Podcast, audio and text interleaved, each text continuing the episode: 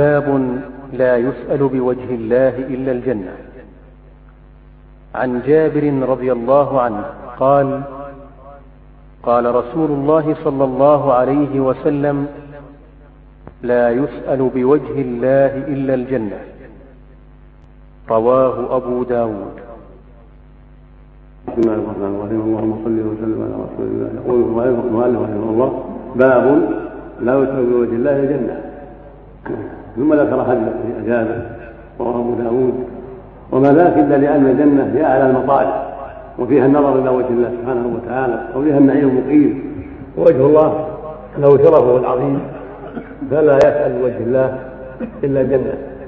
يعني وما يقرب إليها فيقول اللهم إني اسال بوجه الكريم ادخال الجنة ونجاتي من النار.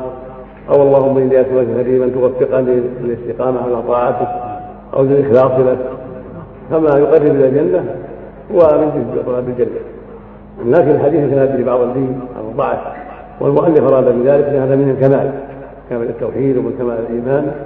أن لا يسأل بوجه الله إلا الجنة لأنها على المطالب.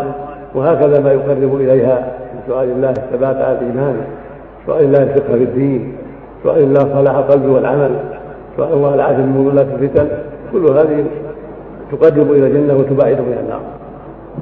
والحديث أو ما فيه من الدين ينجبر بما جاء في روايات أخرى من النهي عن السؤال بوجه الله.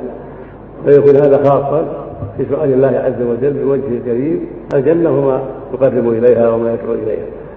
والله اعلم وفق الله الجميع. صلى الله وسلم